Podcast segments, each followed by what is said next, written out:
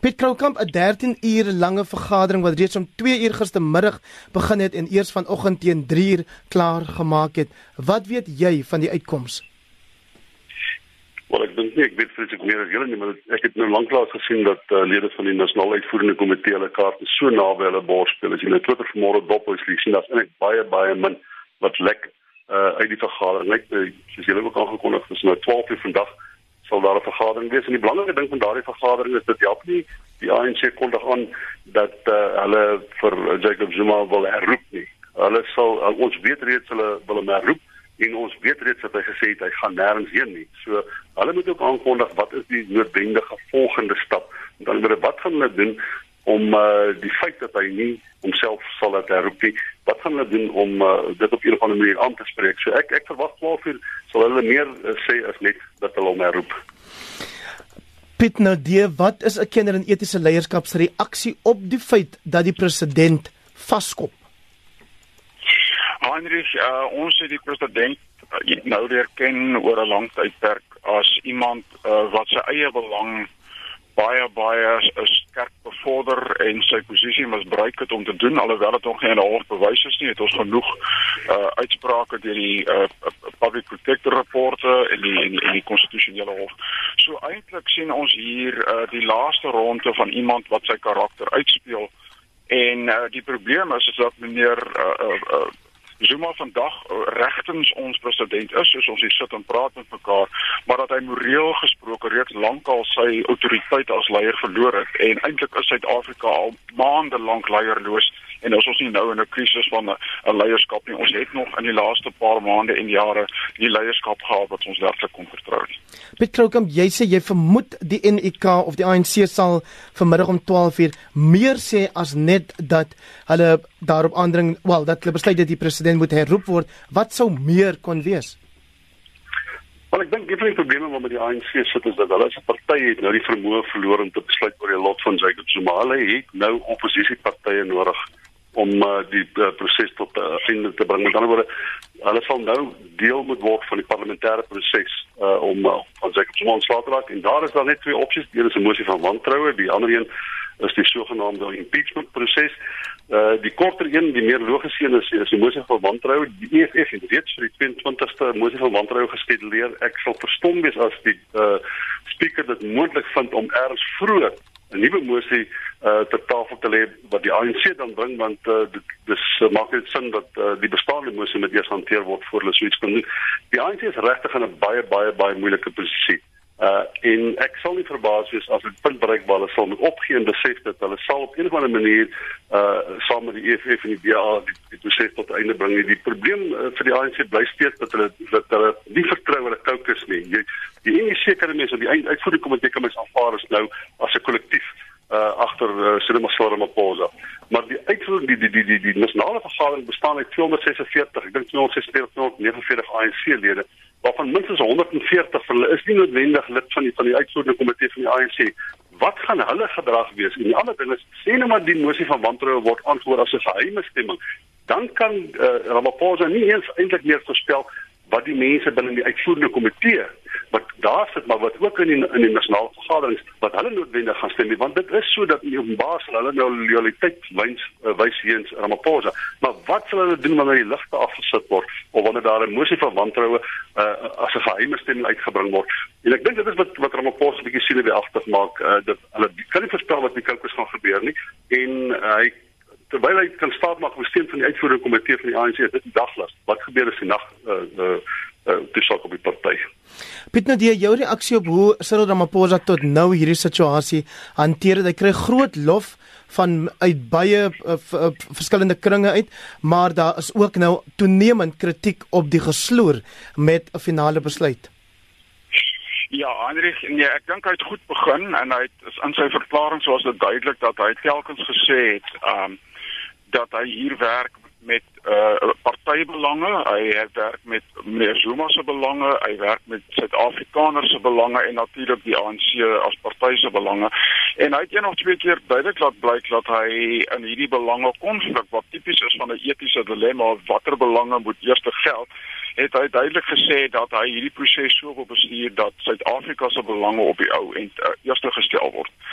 Nou het die tyd bietjie ver aangeloop en 'n mens sou van hom en sy medeleierskap verwag het om om baie meer beslissend op te tree en nie vir meneer Zuma soveel ruimte te gee nie want wat nou die indruk is wat nou geskep word is dat die landsbelang is nou ondergeskik aan die belange van uh, die eenheid binne die uh, ANC.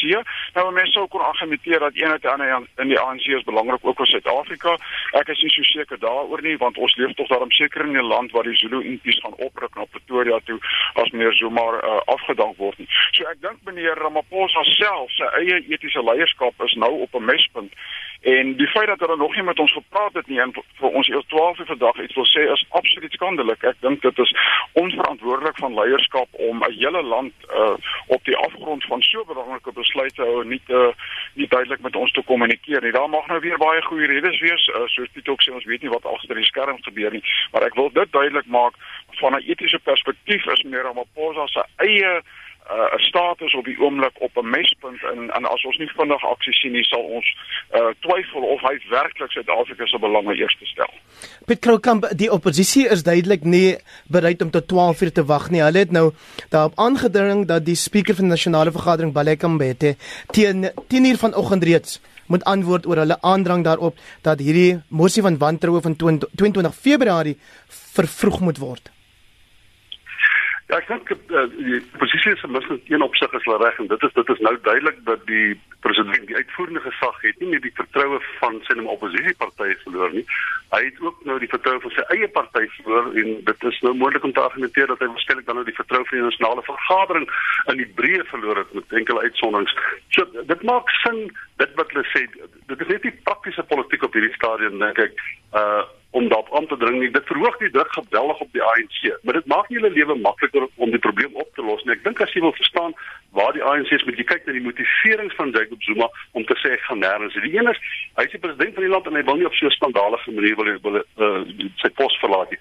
Die tweede een is moontlik dat onthou dieselfde tyd wat hulle dryf met 'n mosie van wantroue in die parlement, is daar die dreiging van waarskynlikheid dat uh, Shaun Abrams van binnekort gaan die die klagtes gaan herinstel wat weer te noem bestaan. Met ander woorde, indien hy sy politieke mag opgee, staan hy stop siel alleen sonder steun van sy party in die regbank sonder finansiële steun en hy het werklik geen geen kans om homself te verdedig sonder politieke mag nie.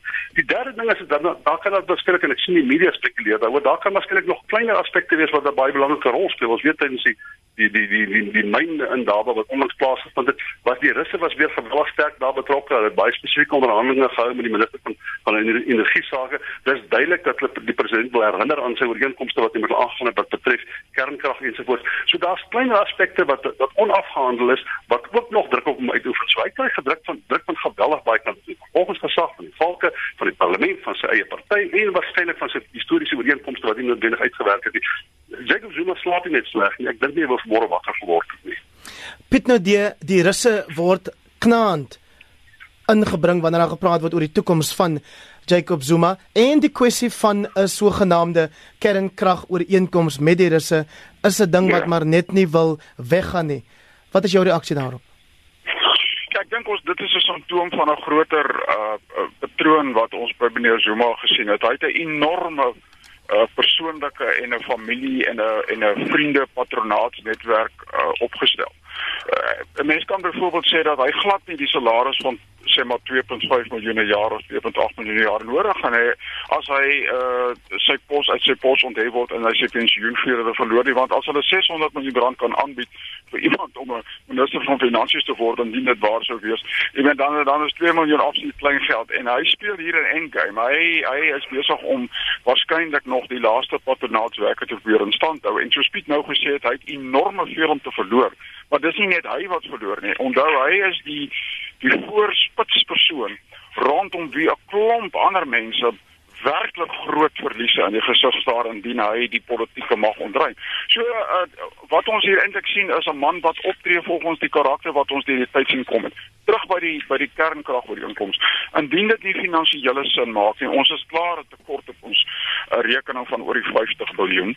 Uh, ons verwag 'n baie baie taai begroting uh, wat vir ons voordê, wie dit ook al gaan indien op die oomblik ons staatsskuld is op na 55% van ons nasionale produk.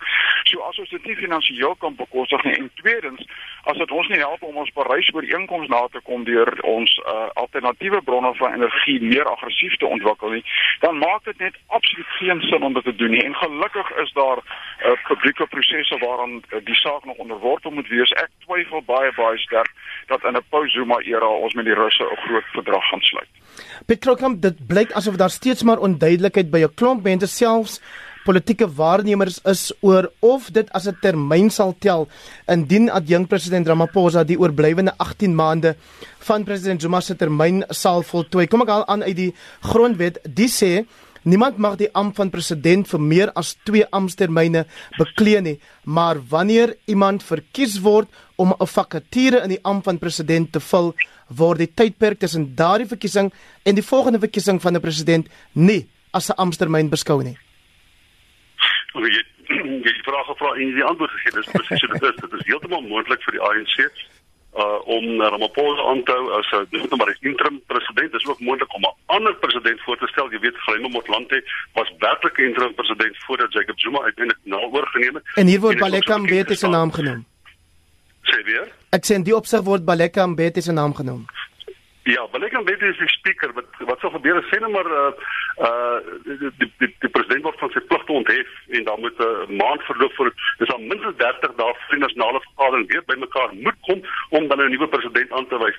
Dit beteken sy sal dis nie 'n interim president nie, sy neem net waar in daardie tyd totdat daar 'n nuwe president gekies word. 'n Interim president is dalk ietsie anders. Dis iemand wat aangewys is wat nou aangaan met die normale funksies en uitvoering van die pligte van die staat, soos wat Gema Motlanthe gedoen het. So mense moet onderskei tussen die speaker 'n bepaalde funksie vervul totdat die nasionale vergadering bymekaar kom en 'n interim president wat aangewys word tot daar 'n volgende verkiesing is. Piet die ons redakteur sê jy het een sin om vir ons te sê hoe reflekteer die gebeure op Suid-Afrika se internasionale beeld? Wel, dit breek die brose vertroue wat daar reeds in Suid-Afrika bestaan as 'n beleggingsbestemming soos onder andere uit die graderingsagentskappe wys. Uh, breek dit verder af dit maak die taak van herstel na Zuma baie baie moeilik. Ons moet uh, ons moet 'n nuwe president kry met bo menslike krag.